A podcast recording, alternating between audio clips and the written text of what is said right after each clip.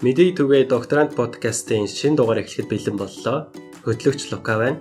Хөтлөгч Туул байна. Өнөөдөр бит хоёрыг хөтлөхөөр байгаа. Өнөөдрийн манай зочноор хүний их эмч, анагаах ухааны доктор Чин зураг ах маань хүрэлцэн ирсэн байна. Сайн байна уу?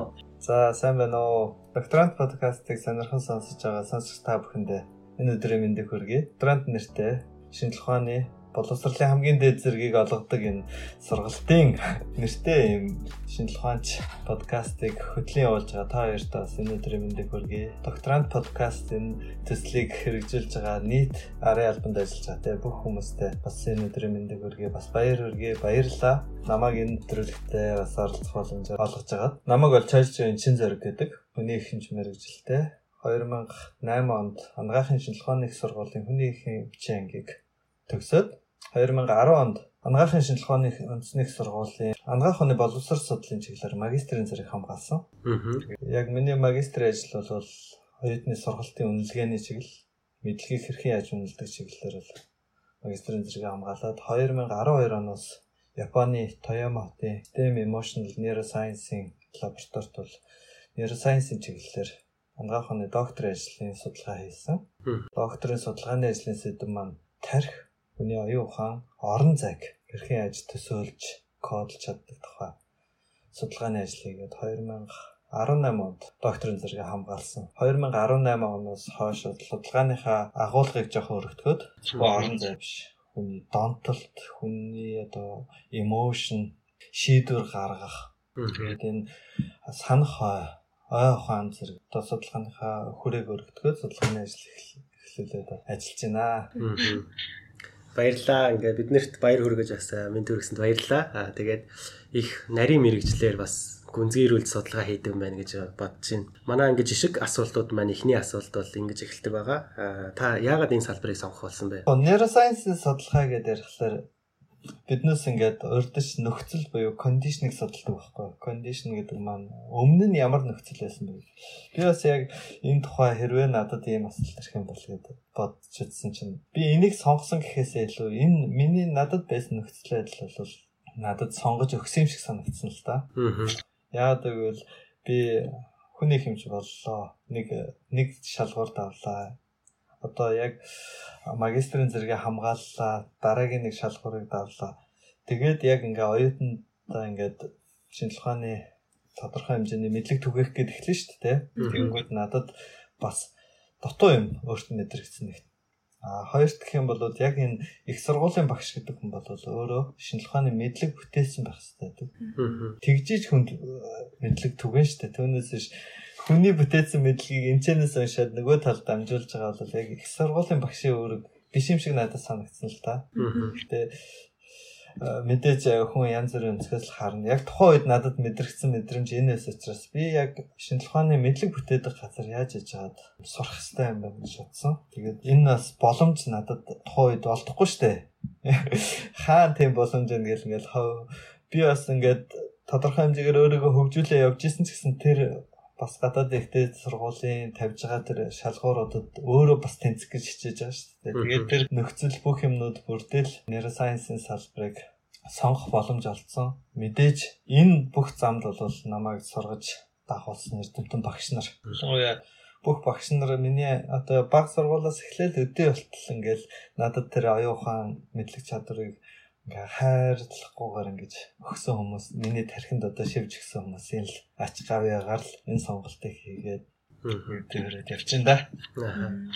Бас гоё сэтгэл хөдлөлтсөн хөдлөгсөн хариулт баярлалаа. За ингээд удаах асуулт маань болохоор та одоо яг энэ салбартаа ямар судалгаа хийж байгаа вэ? Судалгааныхаа ажлын талаар бидэнд танилцуулаач. За тийм ээ. Би нэг Таяма хотод ирээд судалгааны ажил эхлүүлсэн сэдв бол тархины орон зай нүдэн нэг л биднээс орон зайг харж байгаа байхгүй яг үндсэндээ энэ орон зай тарих яаж кодлж байгааг бол судалж эхэлсэн. Тэгээ хамгийн инээдтэй нь анх манай профессор намайг чи одоо ингээ орон зай судалгаа хийнэ. Навигац орон зай навигашн гэдэг судалгаа хийсэн. Би нөгөө сэдвээ ерөөсөй ойлгоогүй. Би баг 2 жил энэний яг ойлгох хэрэгсэн. Яг юу надаар хэлэх гээд байгаа юм. Ийм ийм орон зай судалгаа хийн гэдэг нөгөө философийн би ерөөсөө ойлгож тэрэнд хүрч чадахгүйсэн. Тэгээ 2014 онд надад яг Нобелийн шагнал гардуулах ёслол болж байсан аахгүй. Ангаах ухаан физиологийн салбарт. Тэгээд тэр үед ингээд орон зай навигацаар яг миний энэ Японд хийж байгаа энэ судалгааны аргатай яг адилхан аргаар судалгаа хийсэн Нобелийн шагнал авсан.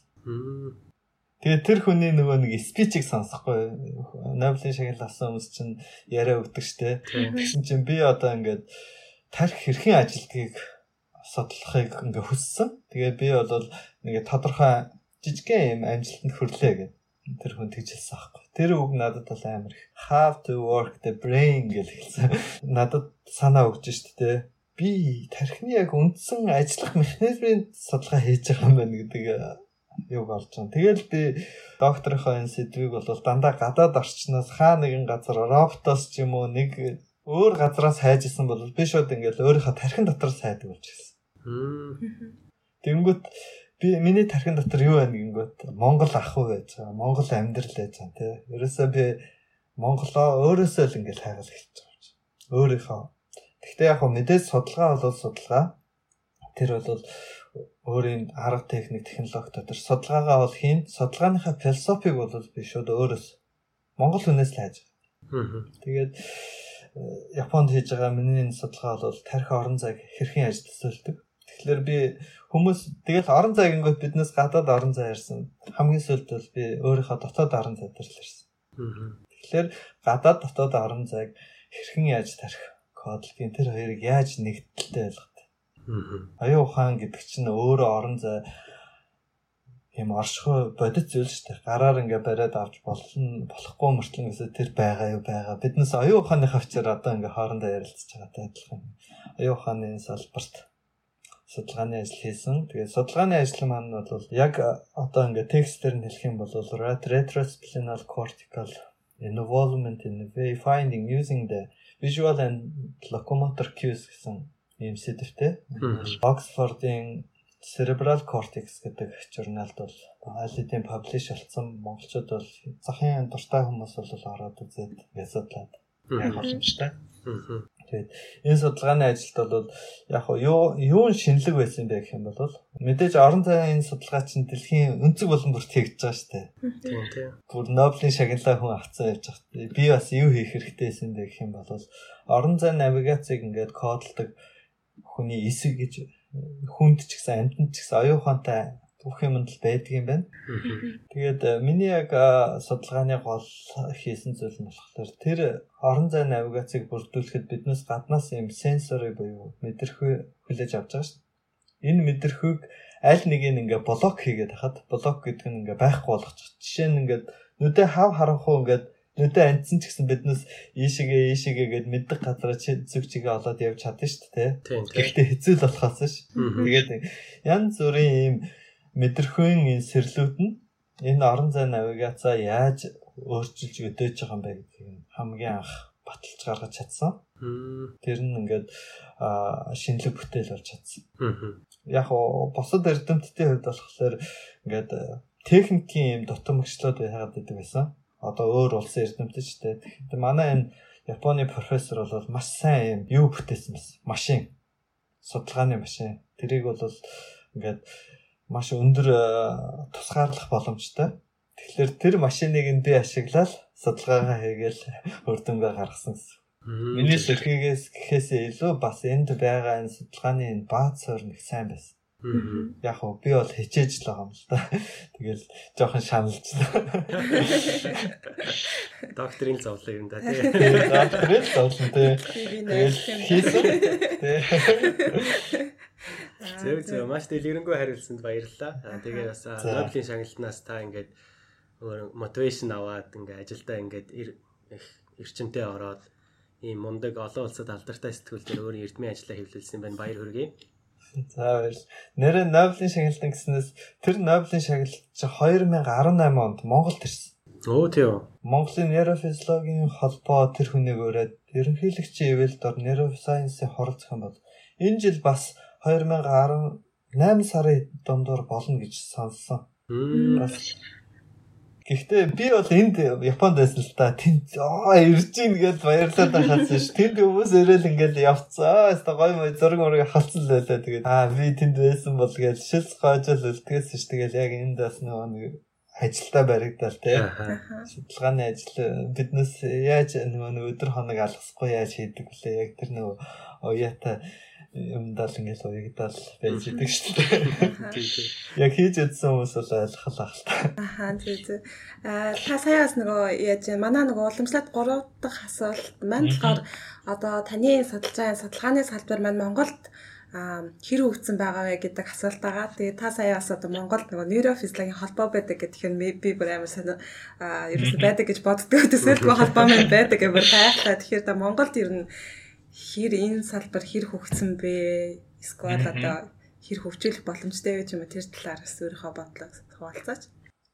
За тийм ээ. Яг энэ Монголд би яг хэр хөгжсөн бэ ч юм уу? Энэ хөгжлийн тухай ярих юм бол би хөгжил гэдэг үг бас хаанаас яаж гарч байгаатай л мэдээж холбох байх л та. Нөгөө нэг өөрөөсөө хайгаад эхлэнгөт нэг. Гэхдээ би бас ингээд хоёр үзэртэй л хариулмаар. Нэг нь бол бүр хөгжөөгүй ч юм уу те? Хөгжөөгүй байна байх болохгүй байна юм нөгөө талаараа бол бас амар сайн хөгжсөн байна. Зүгээр асуудлыг яаж харж байгаагаас л биднес яг уу яагаад хөгжөөг байгаа юм бэ?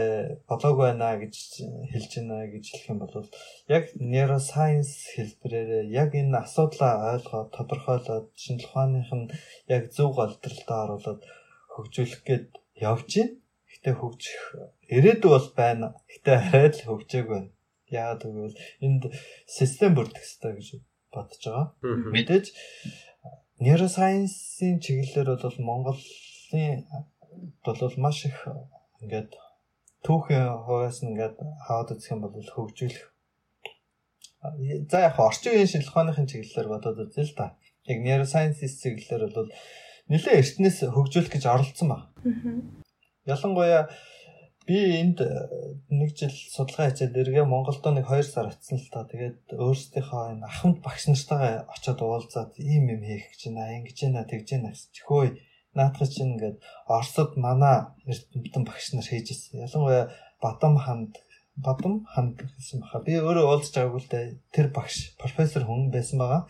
Тэр хүн бол хийж ирсэн. Тэрний ард одоо ингээд Сүхбат багш, Лавсран багш гэдэг, Отхон багш багш гэдэг ингээд нэлээх хүмүүс бол бас Монголд 80-ад оны үед яг миний энэ хийжсэн яг хийж байгаа аргачлалаар судалгааны ажил хийж эхлүүлээ тэрний протокол юмнуудыг гаргацсан юмнууд үзүүлж байгаа байхгүй.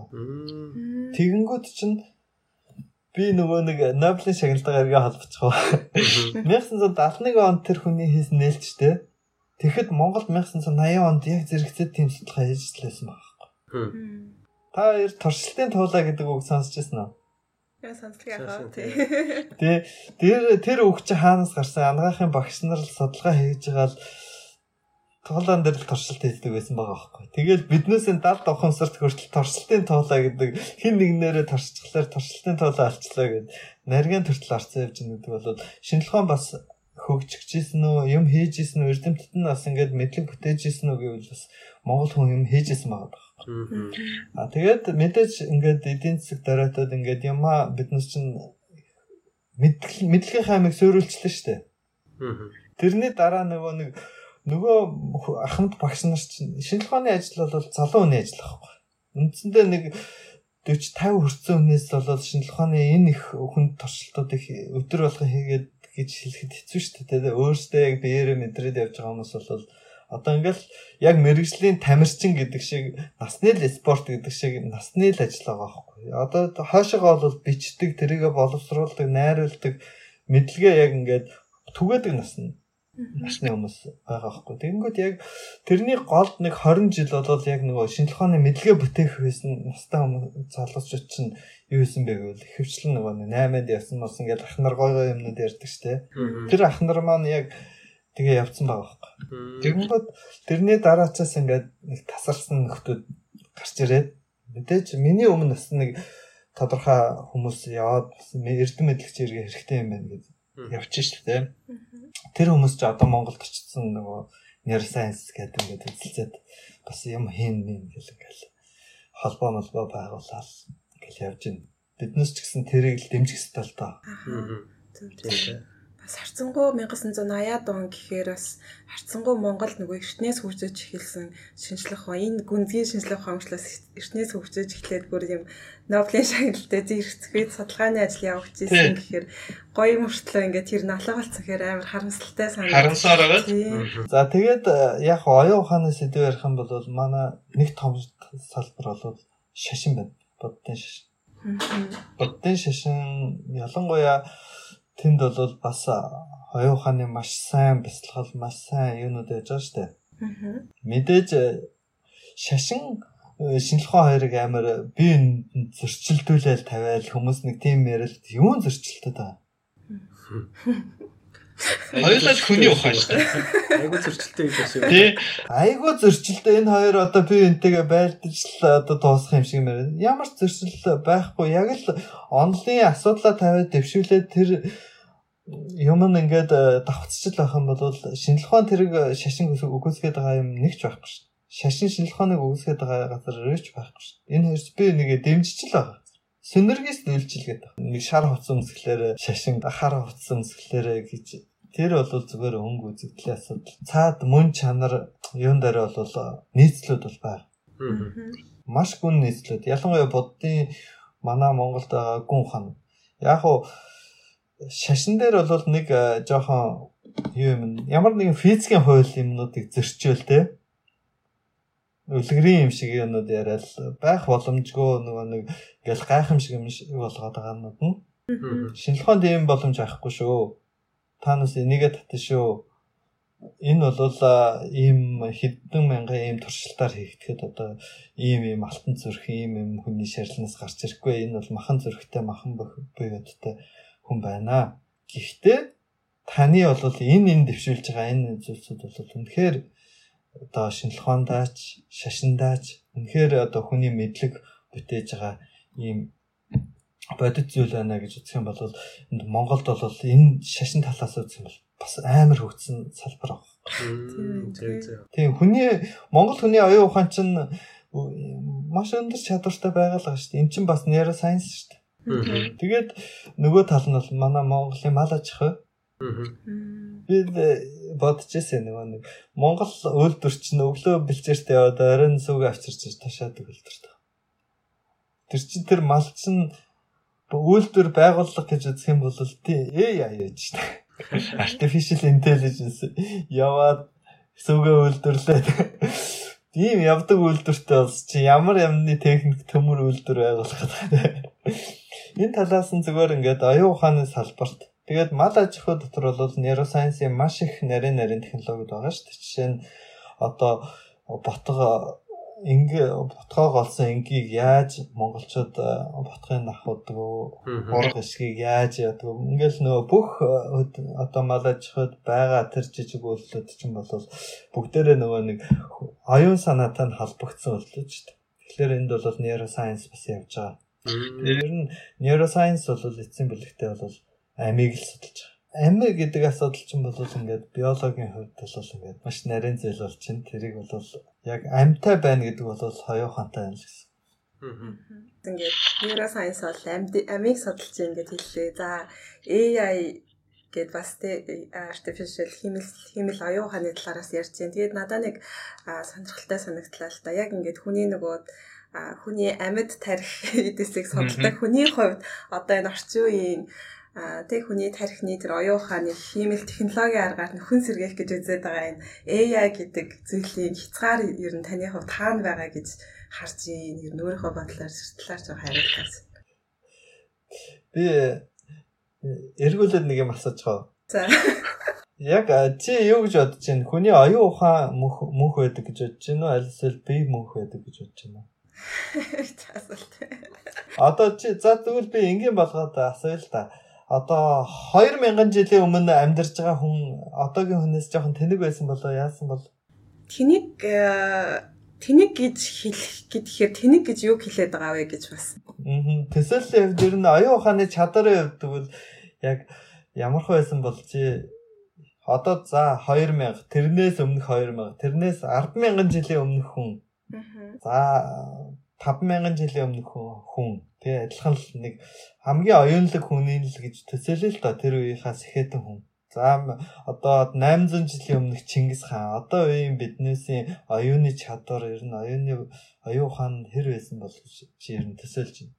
Оюун хааны хувьд гэхдээ одоо яг одоо бүр ингээд бүр хүн ах үүссэн ч юм уу одоо homo sapiens гэж бодох юм бол одоо одоо үеийг бодоход тэр юу ч ахгүй ингээд зэрлэг Тэгээ онгон байгальд амьдарч амьдарч эхэлсэн тэр хүмүүсийн хувьд илүү нөгөө Чи яг орон зайн тухай ярьж байгаа ч зэрлэг байгаль юм уу одоо нэг тийм бодит хот тосгоны тухай төсөөлж байна уу?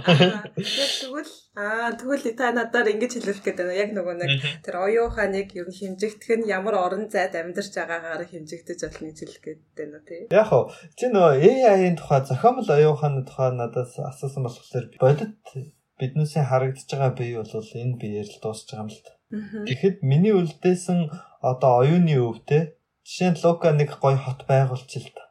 Тэр чинь Лука бодож байгаад тэр хотыг байгуулж байгаа шүү дээ. Лукагийн бодол тэр хот шингэсэн байж байгаа шүү дээ. Тэр чинь Лукагийн оюуны бүтээл зөвхөн Лука гэхгүй тэр Лукагийн эргэн тойронд тэр нөгөө нийгмийнх нь оюуны бүтээл тэр хотыг үүсгэж байгаа Тэр хот чинь дараагийн үе уламжлалтаа тэр оюун санаагаараа дамжиж үлдчихэж байгаа болохоос биш биеэр дамжиж үлдэхгүй байх шин.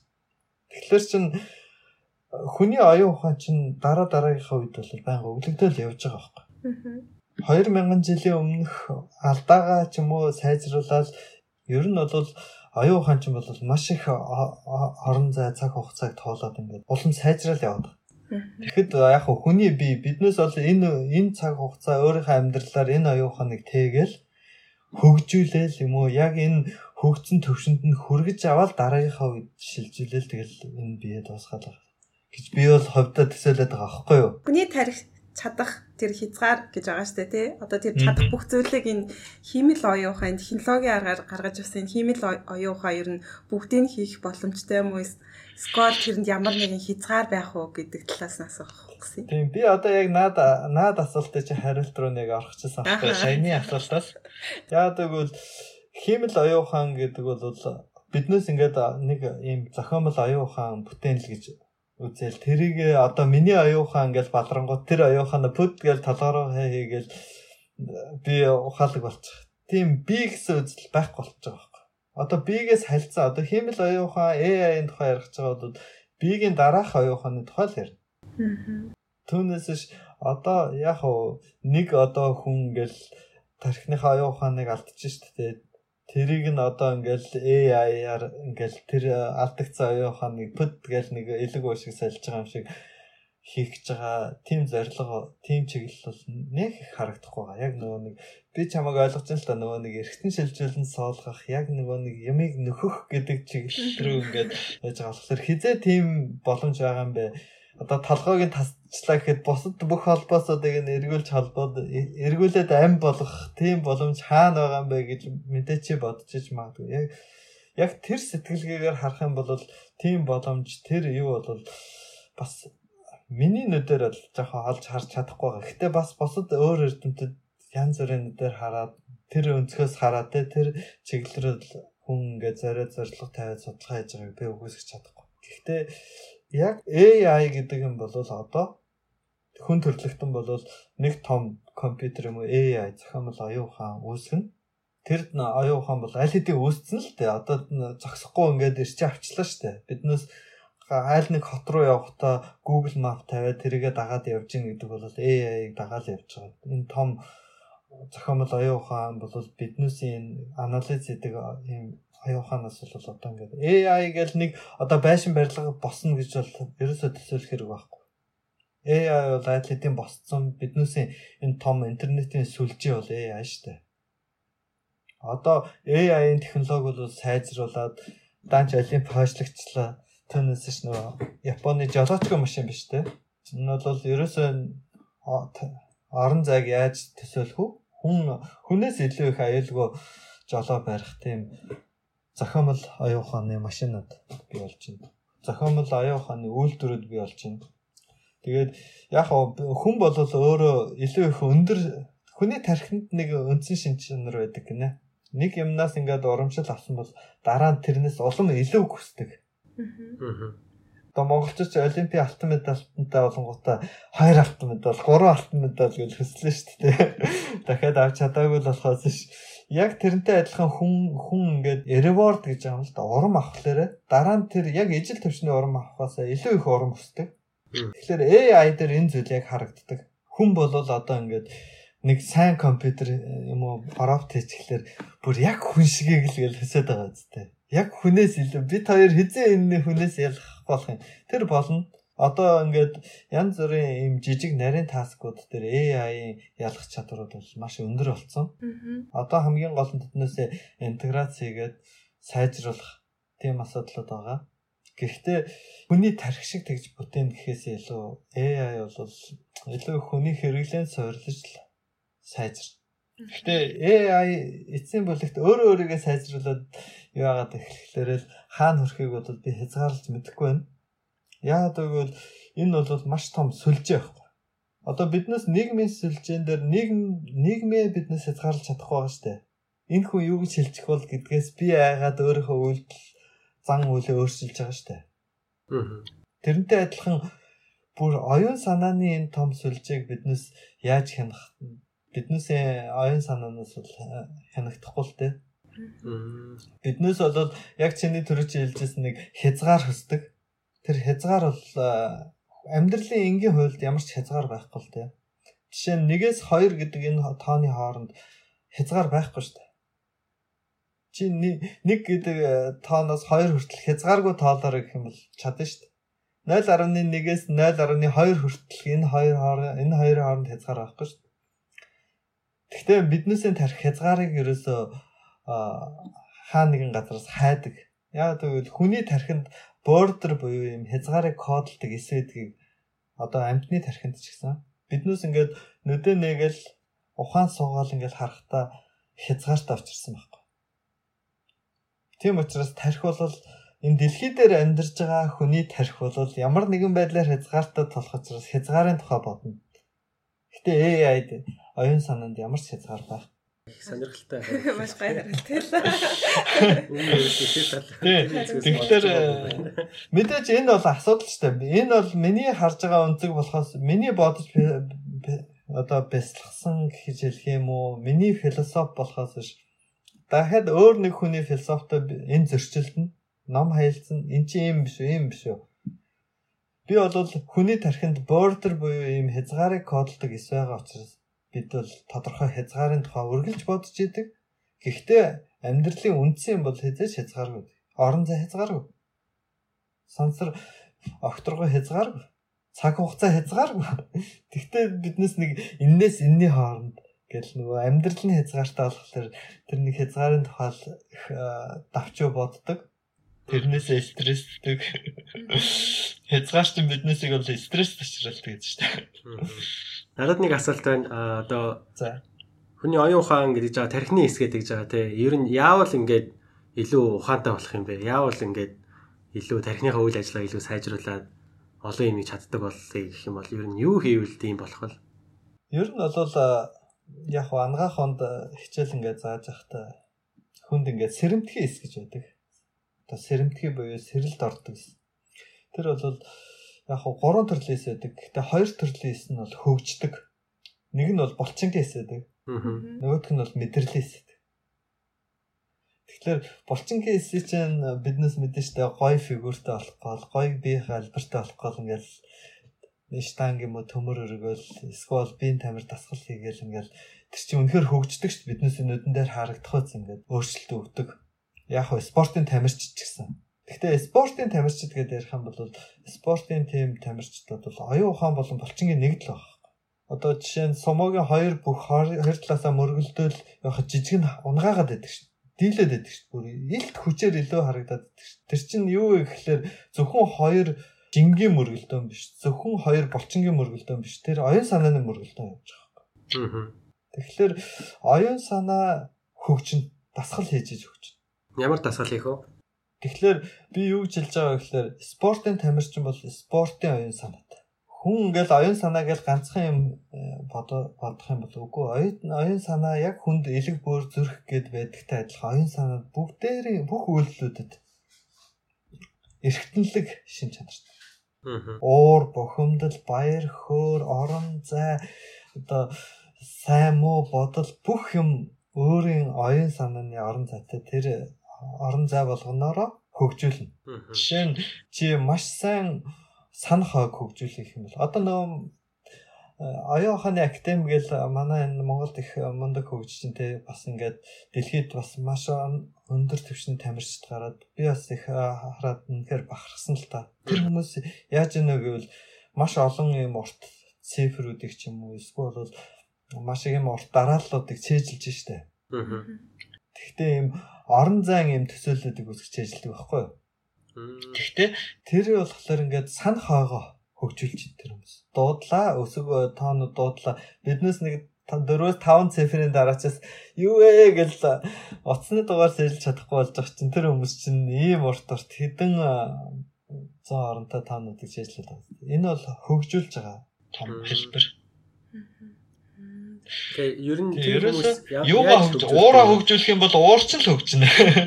Уурал зарах юм Аа, хүнийг хайрладаг э, тэр мэдрэмжээ хөгжүүлэх юм бол чи хайрлаж сурна. Нэг сонирхолтой нэг жишээ энэ хүн жижигхэн жишээ авчих уу? Юу би ийм судалгааны үед ингээд нэг тархин дотор ийм электрод суулгаад intracranial self stimulation гэдэг юу хийдэг аахгүй судалгаа. Тэр тархиныхаа яг зөв судлыг олоод тэр цахилгаанаар идэвхжүүлэх юм бол амьтын юу гэдэг вэ гэхээр ямарваа нэгэн дуртай үйлдэл хийдэг. Тийм хүсэл дор сонирхлын тийм э, судал судлыг олж идэвхжүүлдэг байхгүй. Тэгээд жоохон алдаа гаргаад жоохон буруу хийчихлээр уурын бүх э, судал руу орчдөг байхгүй тэр. Аа. Тэгээд уурын судал руу оруулчихлаа. Яа тэгээд тэр их э, буруу туршилт учраас тэгэнгүүт чинь ямар нэгэн байдлаар алдаа гаргаад уурын судал руу орчихгоо нөгөө баярлах хэвээр амт чинь ууралж байгаа. Амар хүчтэй юм агрессив байдал үзүүлдэг байхгүй. Тэгэхээр чин уур бухимдал баяр хөөрийн судал амар ойрхон байдаг. Хүн дээр ч гэсэн адилхан уу? Хүн дээр тэр судалгаа их бодож яа гэвэл тэр амьтан дээр л хэрэгтэй. Гэхдээ яг хуу бас хүний нөгөө behavior гэж хүний одоо ингээд гадаад гаргаж байгаа үйл хөдлөл ярьж байгаа яриа бүх юм чинь энэ оюун санааны илрэл багхгүй юу? Дотоод оюун санаа. Тэгэхээр хүн ч гэсэн уур бухимдал болон тэр юуны судлууд бол ойрхон л байна. Зөв зөв. Гэтэ хүний тарих бол харьцангуй амьтны тарихаас хамаагүй том юу штэ. Ялангуяа энэ духны хэсэг нь бол илүү хөгжсөн том сэтгэн бодох, дата анализ хийх чадварууд нь бол амьтнаас л хамаагүй өндөр. За, Цэнзэрэг хаасаа сүүлийн асуулт болоход нэг юм асууя гэж бодож байна. А одоо ингэж рахманы руу юм тарих те оюун ухааны талаар судалгаа хийдэг хүн. Тэгэхээр ер нь энэ энэ салбарын юм суур судалгаануудыг хөгжүүлснээр одоо эдийн засагт юм уу? Эдийн засагт ч юм уу одоо ямар нөлөөтэй вэ? Ямар ирээдүйтэй вэ? А ямар ирээдүйтэй вэ? Монголын ирээдүйд ер нь хэр нэмэр болох болоо? Материалын тал ямар ирээдүйтэй вэ гэж бодчих. Тийм тийм. Бас яг энэ бол бас их чухал гой асуулт байна. Яг тэгвэл манай одоо энэ сүүлийн 30 жил ингээ манай Монголч мөнгө ярьж яллаа штэ. Биднес ч ерөөсөө зах зээлийн эдийн засгт яг яаж орсон бэ гэвэл хөдлөл хөл зогсоол зоос гэж хэлээл.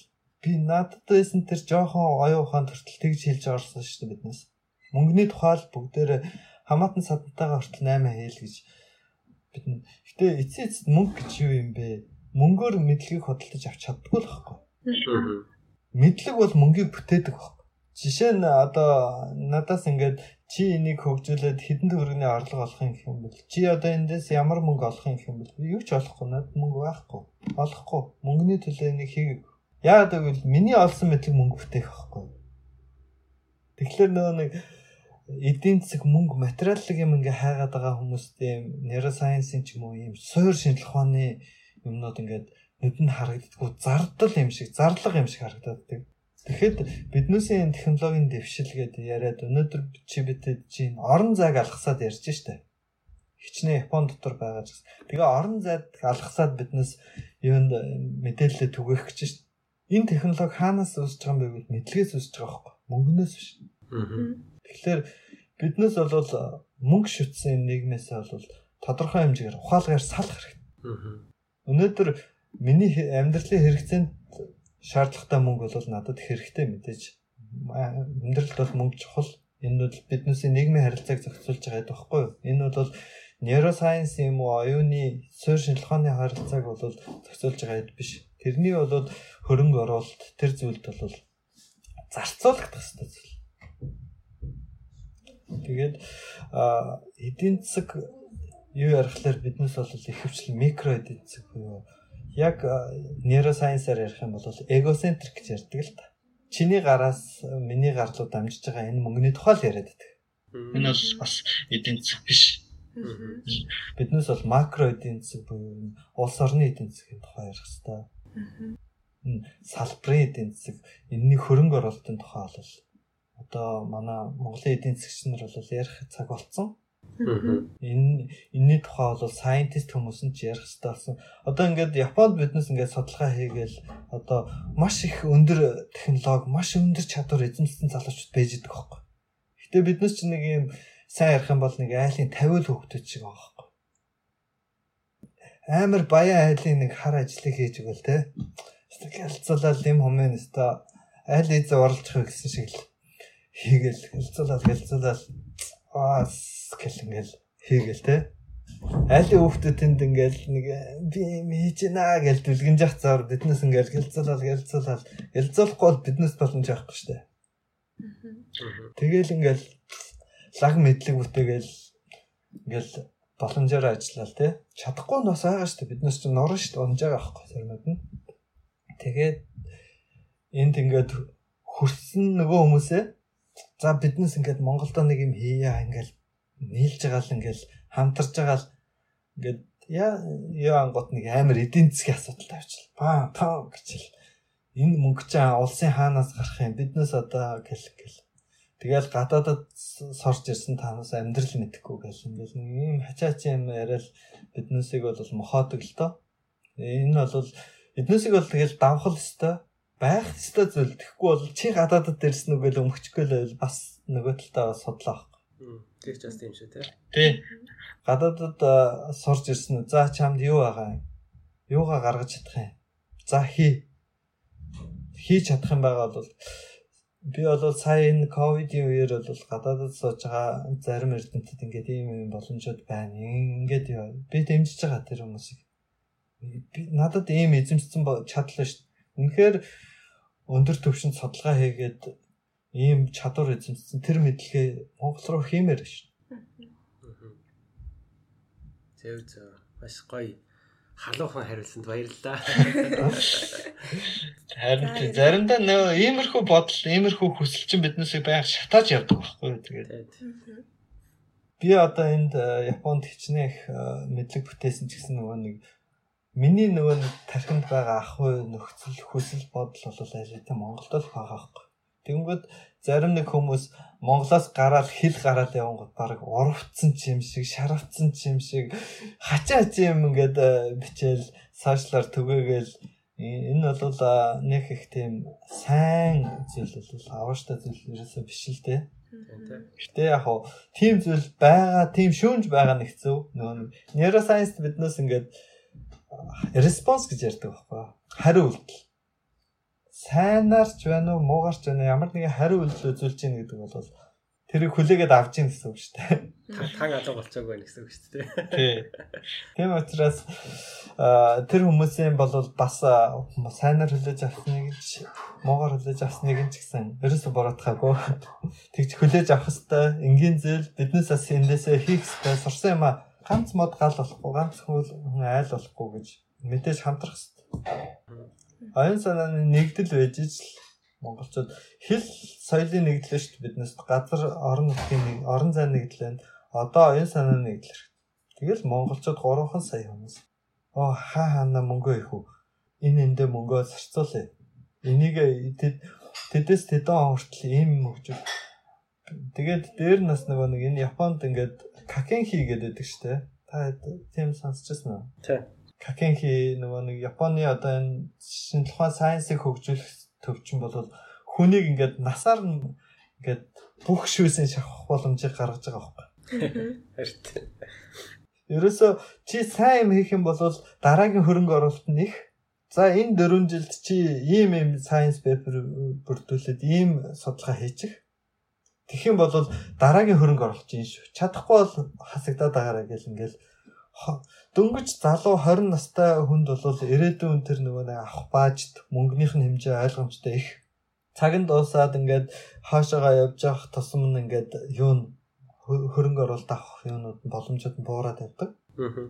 Тэгээд нэг эрдэмтэн хүнийг бол ингээд бүх насаар нь бүх оюуны шавхаа дуусгач Тэгээд нөгөө эрдэм ажил хийж байгаа одоо Япон профессор бол яг нэг одоо нэг шинжлэх ухааны нэг аргад бол нэг нялх хүүхд өсгөж байгаа юм шиг л явж шин. Нэг хүүхд өлгийдэж аваад тэгэл тэр хүүхдээ ингээл биднес хүүхдээ яаж өсгөдгүү гэдэг би заримдаа боддог байхгүй. Япон профессор бол нэг эрдэм шинжилгээ судалгааны нэг методологи, нэг мэдлэгийг сурж аваад тэрийг яг нялх хүүхд өсгөж байгаа юм шиг л ингээл бүү хэлэл өсгсөөр байж байгаа л насанд хүргээл өөрөө дуусч байгаа. За манай өнөөдрийн подкаст маань neuroscientist Чинзарыг ах юм байна. Хүний тарих болон оюун ухааны талаарх судалгааны талаар маш дэлгэрэнгүй ярьж өндөрлөө. Тэгээ манай подкастад оролцсон Чинзарыг ахтаа маш их баярлалаа. Тэгээд та бас манай сонсогчдод зориуллаад а одоо ямар хэлмээр байгаа ч юм уу богинохон тийм мессеж байвал бас хэлээж гэж хүсье. Баярлалаа. Тэгээд мэдээ түгэй докторант подкастад оролцох боломж олгосон энэ сонирхолтой сайхан ярилцлага өрнүүлсэн хавтлагч хоёртоо энэ подкастт ажиллаж байгаа бүх залуучуудтай бол баярлсан талархснаа илэрхийлье. Тэгээд яг оюун ухаан ер нь бол доктор of philosophy гэдэг бол өөрөө бодол ухаан илүү их бодох ерөөсө бодно сайн бодсон ухаан л гэсэн үг шүү дээ. Тэгээд энэ чиглэлээр гээд маш олон эрдэмтэн судлаач дэлхийн өнцөг болон бүрт судалгаа шинжилгээ хийж идэг. Тэр дотор бол Монгол эрдэмтдүүд бол маш олоолаа байж идэг. Маш өндөр чанартай бүтээлүүд бас гаргасан байж идэг. Тэгээд энэ бүх хүмүүсийн нөгөө нэг жаргал зовлон бол бас их ойлгомжтой байж идэг. Биднээс бас яг өнцөг болон бүрт хэцүү өдрүүд ч их байсан. Баярлаад инээж хөөх тесэрч хагарах зүйл их байдаг. Тэгээд энэ бүх хүмүүстэй бол ингээд энэ докторант гэдэг нэртэй энэ подкаст дараа дараагийнхаа дугааруудаар ингээд холбогдох хаа. Тэгээд ийм сайхан ажил бас эхлүүлж байгаа. Энэ энэ зүйлийн төлөө ингээд сэтгэл оюунаа зориулаад явж байгаа энэ та хоёрт бол бас их баярлалаа. Ард нь ажиллаж байгаа. Өшөө бусад залуучуудаа бас их баярлалаа. Энийг улам их өргөжүүлээд яваарай. Тэгээд бас өөрсдийнхээ эрдэм шинжилгээ судалгааны ажлууд амжилт хүсье. Босод одоо ингээд Монголд бас эрдэм шинжилгээ судалгааны ажил хийх хүсэлтэй байгаа бол бүгдээрээ нэгдээд бас энэ подкастын нэрийн дор ч гэсэн нэгдэж болохыг үгүйсэхгүй байх гэж бодож байна.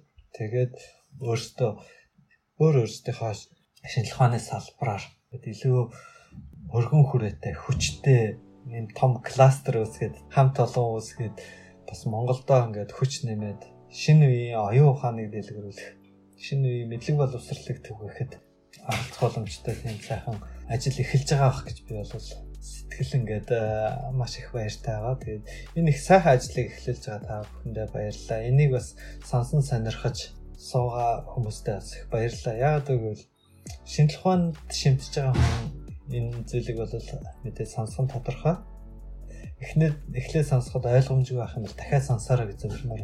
Яг тэгвэл шинжлэх ухааны шинэ мэдлэг ололт амжилт бол эхлээ сонсох тийм ч чихэнд чимэгтэй амархан байдаг. Гэхдээ 2 3 удаа тавтан сонсоод үзэхэд бол тэрний нарийн лог утга агуулгыг ойлгож чадах юм бол чи одоо тархиндаа дасгал хийж гин гэсэн. Тэгэхээр бүгдээрээ юмыг бодож ухаарч тунгааж дандаа оюунлаг оюуны дасгал хийж байхыг уриалж байна залуучууд. За баярлалаа маш гоё мессеж байна. Аа мэдээ түгээ докторант подкаст байлаа. Баяртай. Баярлалаа. Баяртай. Баярлалаа.